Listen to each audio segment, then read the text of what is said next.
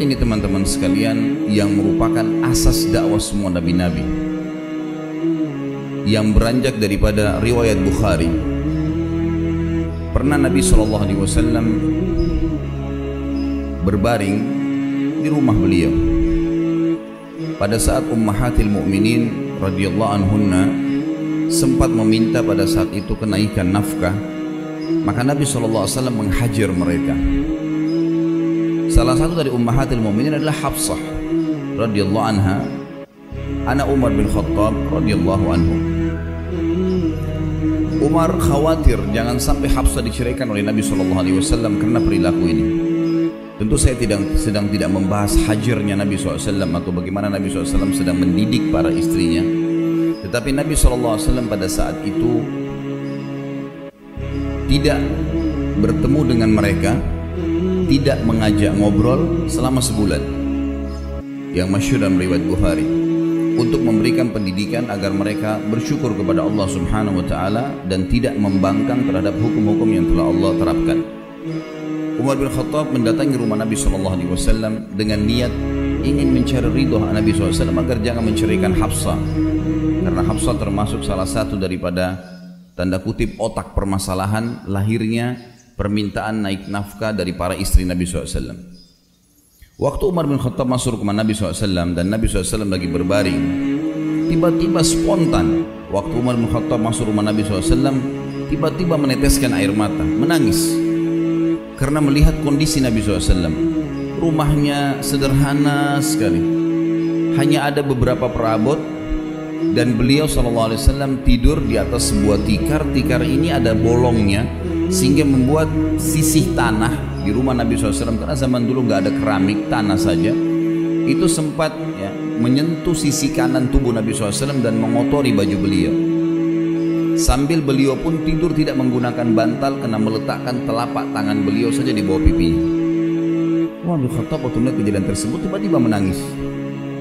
Dan beliau sambil menangis terseduh-seduh mengucapkan salam kepada Nabi SAW Nabi SAW menjawabnya. Lalu Tiba-tiba Umar juga berkata, Ya Rasulullah, dia tidak bicarakan lagi masalah anaknya nih.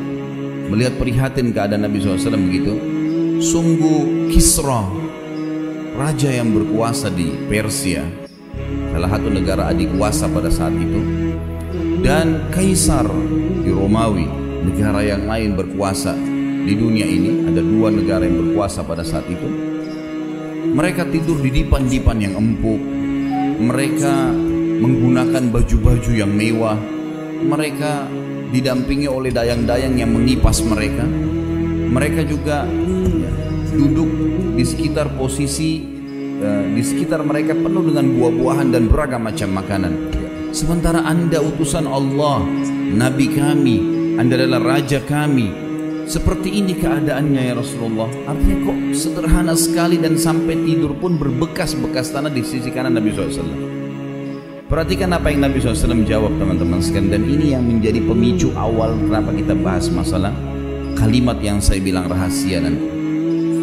Nabi SAW duduk darinya baring lalu berkata wahai ibnu Khattab wahai anaknya Khattab maksudnya Umar apakah kau masih ragu dengan apa yang telah selama ini aku sampaikan apakah kau masih ragu wahai Umar bahwasanya mereka memiliki dunia tadi orang-orang yang kamu sebutkan itu.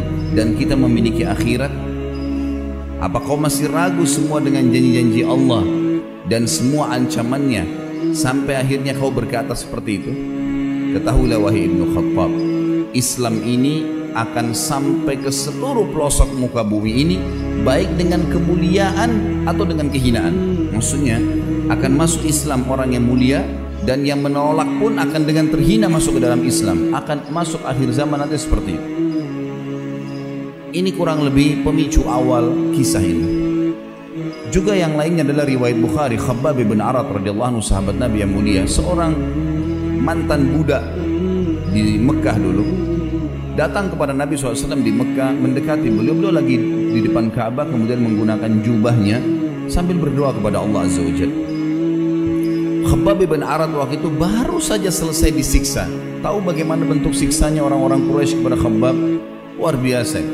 Kisahnya adalah Bagaimana kita tahu luka dan sakitnya Khabbab radhiyallahu anhu ini? Waktu di zaman khilafahnya Umar bin Khattab, saya akan kembali ke kisah tadi. Umar bin Khattab dan waktu jadi khalifah sempat bertanya kepada Khabbab, wahai Khabbab, siksaan apa yang paling menyakitkan bagi kamu yang dilakukan oleh Quraisy?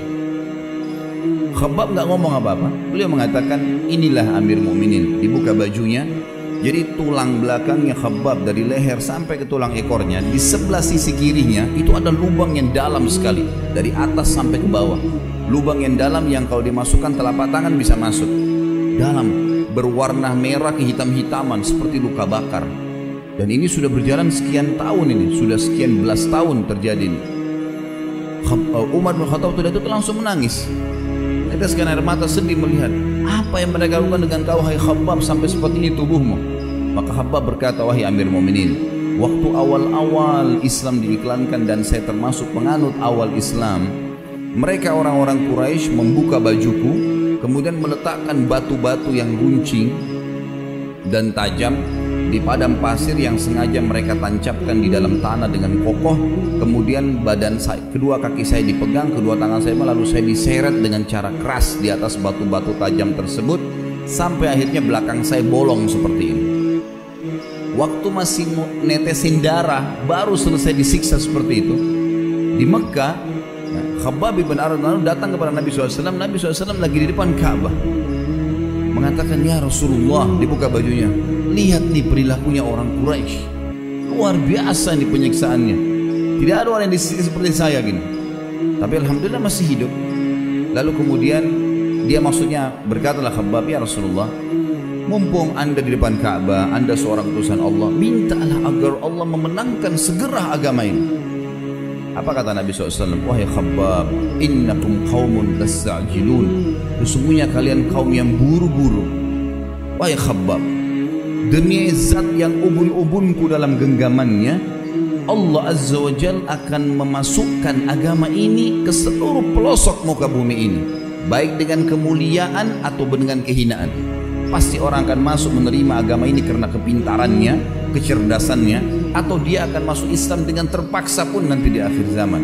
Dan wahai khabab, Allah Azza wa Jal akan menyebarkan Islam sampai-sampai seorang wanita jalan dari Hadramaut menunggangi unta sendirian tidak didampingi oleh siapa pun menuju ke Sana'a. Hadramaut sebuah wilayah di Yaman jaraknya dengan Sana'a mungkin kalau saya tidak salah sekitar 600 kilometer. Sana'a ibu kota Yaman sampai sekarang masih ibu kota dan dulu antara Hadramaut dengan Sana'a ini teman-teman sekalian terdapat puluhan suku semuanya perampok kalau orang dulu jalan antara Sana'a dan Hadramaut itu antara hidup dan mati. Kalau dia lolos dari satu suku yang akan merampoknya maka dia akan ditangkap oleh suku yang lain di depannya. Setiap suku yang dilewatin pasti akan merampok. Dan tidak ada yang selamat antara dua wilayah ini. Nabi SAW berikan contoh, wahai Khabbab, nanti akan tiba Islam masuk seluruh jazirah Arab, seluruh dunia ini, sampai-sampai karena tersebarnya Islam itu seorang wanita jalan dari Hadramaut sendirian menunggangi unta ke Sana'a dan tidak ada satupun yang mengganggunya serta dia tidak takut kecuali kepada Allah. Kata Khabbab, demi Allah saya menyaksikan sendiri. Ya, karena Khabbab hidup sampai di zaman Nabi zaman Umar bin Khattab zaman Khulafaur Rasyidin maka kata Khabbab demi Allah saya menyaksikan apa yang Nabi SAW ucapkan itu. Wanita jalan dalam kondisi tidak ditemani ya. Jarak yang begitu jauh tapi aman tidak merasa apa pun